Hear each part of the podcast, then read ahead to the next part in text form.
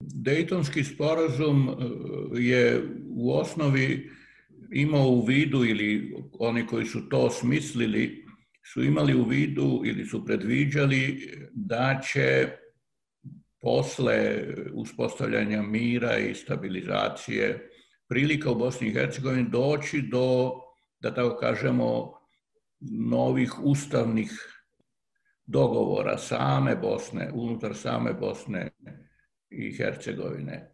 Tako da se misl, smatralo da nije to rešenje koje je doneto u Daytonu i posle u Parizu, da to nije e, definitivno, već je jedan međunarodni okvir e, da se politički stabilizuju i eventualno omoguće e, ustavne promene u Bosni i Hercegovini. Dodatno se mi verovalo u ono vreme da će promena u privrednom sistemu pre svega privatizacija dovesti do toga da će poslovni interesi, da tako kažem, integrisati Bosnu i Hercegovinu. Tako da se manje vodilo računa o tome da u stvari su postojala bar dva osnovna defekta u celoj toj konstrukciji, a ta, jedan je naravno taj etnički princip e, predstavništva, i drugi je taj da u stvari e, ljudi, e, tako kako je taj sistem bio konstruisan, zavise od tih bar entiteta, ali u svakom slučaju i, ali u stvari i od, i od tih kantona. Tako da je i jedno i drugo bilo prepreka E, tim nekim e, očekivanim e, ustavnim promenama. Očekivalo se da će sama Bosna i Hercegovina recimo i pod uticajem poslovnih ljudi, ali i pod uticajem javnosti hteti da funkcionalizuje, da tako kažem, da učini funkcionalnijim tu državu. Jel? To se nije dogodilo iz ova dva, dva da tako kažem, osnovna razloga. E sad, nešto se pomerilo uglavnom za vreme PDH downa koji je uveo taj takozvani e, posredni porez, odnosno jedinstveni porezki sistem za e, celu Bosnu i Hercegovinu. Tako da Bosna i Hercegovina praktično kao, kao država postoji sa tri aspekta. Jedno je jel, spoljna trgovina, jer ima e, jedinstvene carine, jedinstveni spoljno trgovinski režim u meri u kojoj se on poštuje. Potom ima jedinstvenu sobstvenu valutu, ona je e, bazirana na takozvanom e, valutnom odboru, što pomaže u tom smislu da zapravo niko ne može da manipuliše novcem. I onda ima taj jedinstveni e, sistem e, poreza na dodatu vrednost, što je važno zbog toga što onda postoji interes e, svih kantona i entiteta za e, taj jedinstveni e, priliv novca od kojeg u nemaloj meri, skoro isključivo e, Bosna i Hercegovina živi. To je ono što u suštini održava Bosnu i Hercegovinu. Ali sistem takav kakav je zamišljen zapravo onemogućava uspostavljanje demokratskih odnosa manje više na svim nivoima, ali osnovno je to. Nije očekivanje bilo da će Dejtonski ustav i Dejtonski sporazum biti trajni sistem u Bosni i Hercegovini, već da će to biti, da tako kažem, e, prelomna tačka posle koje će sama Bosna i Hercegovina jeli, imati ono što se kaže ustavni trenutak, jel, kada će doneti sobstveni ustav po kome će da živi. Ali to do toga nije došlo, ne samo zbog spoljašnjih e, mešanja i Hrvatske i Srbije, koje jedna i druga imaju implicitno ja bih rekao Hrvatska eksplicitno, ja bih rekao Srbija, teritorijalne pretenzije na Bosnu i Hercegovinu, ali i taj faktor naravno igra ulogu. Sistem koji je uspostavljen s obzirom na taj etnički princip predstavništva, on postiče i tu etničku homogenizaciju i onda kao i sve države, ako vi imate, da tako kažem, zavisnost od svog entiteta ili od svog kantona, onda i vlasti i glasači imaju prevashodno interes da utiču na taj element ili na taj segment vlasti gde taj uticaj zapravo i može jedino i da ima smisla. Tako da imate problem sa ono što se kaže jeli, izgradnjom države ako tu državu ste tako rasparčali da ona u stvari e, nema e, političkog smisla ni za glasače, ni za one koji, koji vladaju. Vi imate interes onda pogotovo s obzirom na taj etnički princip i glasači i, i vlasti imaju interes za neku vrstu uh, poluautokratskog sistema ili bar jednopartijskog sistema. Sad, to se nije do kraja ostvarilo u Bosni i Hercegovini, što budi nadu. Evo sad na ovim poslednjim izborima se vidi da jednopartijski sistem ili e, autokratija stvaraju sobstvenu opoziciju po prirodi stvari. Jel? Ali sam sistem kao takav je e, nefunkcionalan u tom smislu da ne omogućava ustavnu integraciju, ajde tako da se izrazim, e, čitave zemlje. Jel? To je nešto što se nije očekivalo, mada je trebalo da se očekuje, ali ljudi koji su o tome odlučivali u Daytonu su pre svega mislili da treba uspostaviti mir, manje više po svaku cenu, odnos snaga je bio takav kakav je bio, nije postojao interes, naprotiv, postoje negativan interes da se taj odnos snaga promeni, narošto s obzirom na, na, na stanje na, na ratištu gde je u stvari srpska strana e, gubila. E sad, e, drugčije bi naravno bilo da su i Hrvatska i Srbija e, drugčije raspoloženi, ajde tako da kažem, prema, prema Bosni i Hercegovini. Na srpskoj strani vi naravno vidite da je to konstantni interes manje više svih da kapitališu na tom opet nacionalističkom shvatanju i na toj, na toj perspektivi e, teritorijalnog proširenja u stvari je to osnovno. I to su ta dva faktora, jel? Na hrvatskoj strani Evropska unija donekle to sprečava. Ako ste vi članica Evropske unije, vi ne možete neposredno baš da težite teritorijalnom proširenju.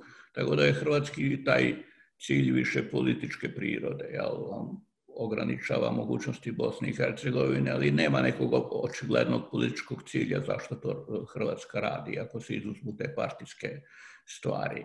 U srpskoj strani, na srpskoj strani je drugčije, zato što nekog spoljašnjeg velikog ograničenja nema, osim činjenice da u stvari Srbija to politički ne može da izvede. To je otprilike e, ta prepreka. Jel?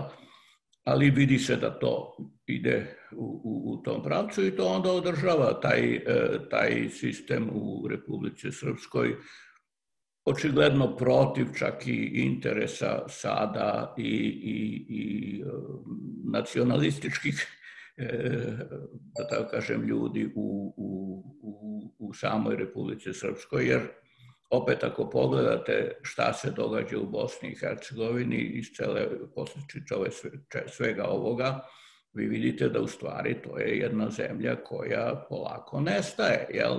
posebno u Republice Srpskoj. Ljudi, ljudi tamo više nema, oni odlaze, jel?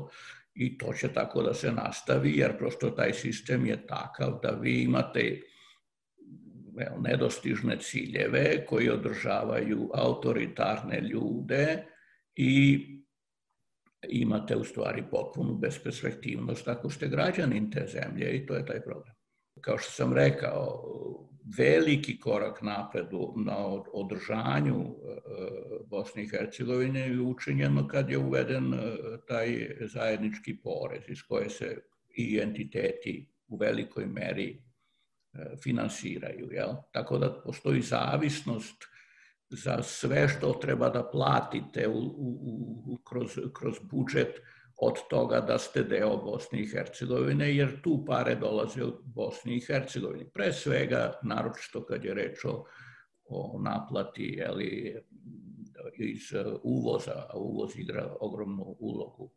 Tako da to je suština tog odnosa. E sad, ako gledate recimo, da dam drugi primjer da vidite o čemu se radi, ako gledate kako se osamostaljivala Crna Gora, osnovni put prvi korak je bio fiskalno osamostaljenje.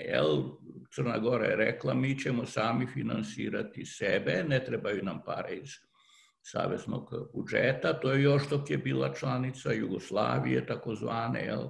Tako da fiskalno osamostaljenje ili osan, oslanjanje na drugu zemlju je ključno za, za, za samostalnost ili za aneksiju. Jel? I sad ovo što Srbija pokušava da čini subroza jel, i u uh, Republici Srpskoj, odnosno u Bosni i Hercegovini i u Crnoj Gori delimično, jeste zapravo uz, ponovno uspostavljanje fiskalne zavisnosti ti srpskih delova, srpskih sredina od e, Beograda. Tako da vi sada imate te ja mislim, permanentne e, injekcije, fiskalne, znači transfere iz srpskog budžeta u budžet Republike Srpske, bilo da je reč za školstvo ili bilo da je, da, da je reč za zdravstvo, bilo da je sad reč za, ne znam, aerodrom, pošto vi ne možete teritorijalno to da integrišete, vi onda to integrišete fiskalno za eventualni moment kada ćete vi moći i da tu aneksiju e, i izvršite. Znači kad se eventualno e, steknu prilike ili kad na kraju krajeva zavisnost bude tolika da, da, da se jel, ne može sprečiti secesija u, u, u nekom normalnom smislu. Tako da taj aspekt je jako važan. To vi sad vidite sve više i u Crnoj Gori gde se našao način, da nalazi, traži način kako da se, recimo, sever Crne Gore, to je najavljeno, kako da se ovaj, na neki način to veže zavisnošću, ne prosto zavisnošću ekonomskom u smislu razmene, kooperacije, investicija i tako dalje, to je sve u redu, mislim, to je samo po sebi prirodno i, i dobro, nego zbog toga što vi sad imate te injekcije para, te transfere koji, su, koji treba da, da, da imaju, da, da promovišu srpsku stvar, kako god da vi to razumete, bilo da je to reč u obrazovanju, bilo da je to reč u kulturi, bilo da je tu reč o zdravstvu, bilo da je reč na kraju krajeva o investicijama u koji se normalno finansiraju, znači javnim investicijama koji se uobičajeno finansiraju iz poreza i tako dalje, ima stvarate tu neku fiskalnu zavisnost koja je u suštini ključna za to da li država postoji i da li država ima ovaj, održivost. To je, ja mislim, ključni problem bio Bosne i Hercegovine od početka. Sam Dejtonski sporazum apsolutno ne vodi računa o fiskalnom integraciji zemlje. To je PDH da on onda promenio i imate taj jedan nekakav fiskalni integritet te zemlje, plus naravno imate i taj monetarni integritet, što je važno, važno je i u slučaju naravno Crne Gore. Ako vić ne možete neposredno teritorijalno da se proširite, to su u stvari elementi stvaranja jedne zajedničke, da tako kažem, državne zajednice. To je, mislim, ono čemu se, koliko ja mogu da vidim, teži i tu onda pomaže taj, ta, to, to propadanje Ja, u Crnoj Gori do toga nije došlo, ali imate te regionalne razlike u Bosni i Hercegovini, Republika Srpska, jeli, sve više i više zavisi od toga da, da im da, da joj pomaže, pomaže ovaj, Srbija i kao polako erodira sve to što bi trebalo da funkcioniše kao država u Bosni i Hercegovini. Pitanje sad šta će pre biti, jel, jel vidite da te neke ideje o tome da se zemlja integriše u Europsku uniju nemaš, to je bezizgledno. Ovaj, onda se ljudi sami integrišu sa Europskom unijom i ako idete u Beč, vidite da je to sve veći broj ljudi koji odatle dolazi, ostalom kao i iz Srbije, ovaj, prosto se ljudi sele sami u Evropsku uniju, šta da rade, jel, jel moraju da, da, da, da, da iziđu iz, iz te bede, jel? I u ostalom nije samo ekonomska strana stvari, nego je prosto jedna nemoguća atmosfera za život. Tako da to je svakako jel, trka između toga da zemlja ostane bez ljudi i da ona postane jeli, srpska zemlja, jel, šta god da je, šta god da to znači. Tako da to je jedna veoma, veoma rčava politika koja očigledno ima nekog smisla za gospodu koji, koji vladaju tim prostorima i to je otprilike sve. Pa samo da se vratimo kratko na rezultate ovih izbora lokalnih u Bosni i Hercegovini i Dodik je izgubio Banja Luku, Izetbegović je izgubio Sarajevo, odnosno te centralne opštine. Da li po vašem mišljenju, da li to može biti nagovešte bilo čega na, tako da kažem, na tom na državnom nivou? Jer su ove vladajuće stranke zadržale vlast, a videli smo Dodika koji je rekao, kao Trump, ja što je rekao, ja neću da dam Njujorku vakcinu, mislim, tako i ovaj kaže, ja neću da dam pare, pa neka Banja Luka crkne, ako mene neće. Pa to je jedna mogućnost ili jedan put da dođe do te, da tako kažem, političke promene na, u celoj zemlji, pošto se vidi da, mogu, da je moguće da se smeni smene partije na vlasti, to bi dakle moglo onda da se proširi na entitetskom nivou. U tom slučaju bi pitanje bilo da li postoji spremnosti na te dve strane tih e, novih vlasti pošto počinju, da tako kažemo, iznova, da dogovore neku saradnju i neku povećanu funkcionalnost Bosne i Hercegovine, kako bi onda to cela zemlja mogla na neki način da, da krene napred, s jedne strane u pregovorima sa Europskom unijom, s druge strane i kao investiciona i, i, i privredna činjenica i tako redom. Jel? To bi bilo otprilike taj put. Znači, to je moguće, ali je vrlo, vrlo ovaj, teško, kao što vidimo iz primjera koji, je, koji, koji smo imali ranije, zato što vuče taj lokalni interes, izvor vlasti nije Bosna i Hercegovina, nego entitet. I vi onda uvek morate da razmišljate da li se to, taj rizični put saradnje, da li se to isplati vama lično i, i, i, i vašoj stranci i u velič, do sada vidimo da je odgovor ne. Znači, Evropska unija bi tu nešto mogla da uradi, pošto ona ništa uglavnom ne radi, onda imate te negativne uticaje iz Beograda i Zagreba, i to onda manje više onemogućava čitavu tu stvar. Imate i druge, naravno, aktere i crkva igra neku ulogu, i jedna i druga i treća. Svi oni imaju te svoje interese da održe te feude koji postoje. Tako da to je ogromna, ogromna prepreka. Nije to nemoguće, znači nije, nije reč o stvari koja se ne može demokratskim putem ovaj, ostvariti, ali je izuzetno teško i za sada je uglavnom ovaj, neizvodljivo.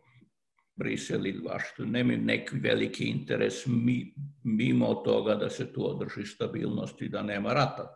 Mimo toga neki veliki interes za to da sad Bosna i Hercegovina bude država, toga nema.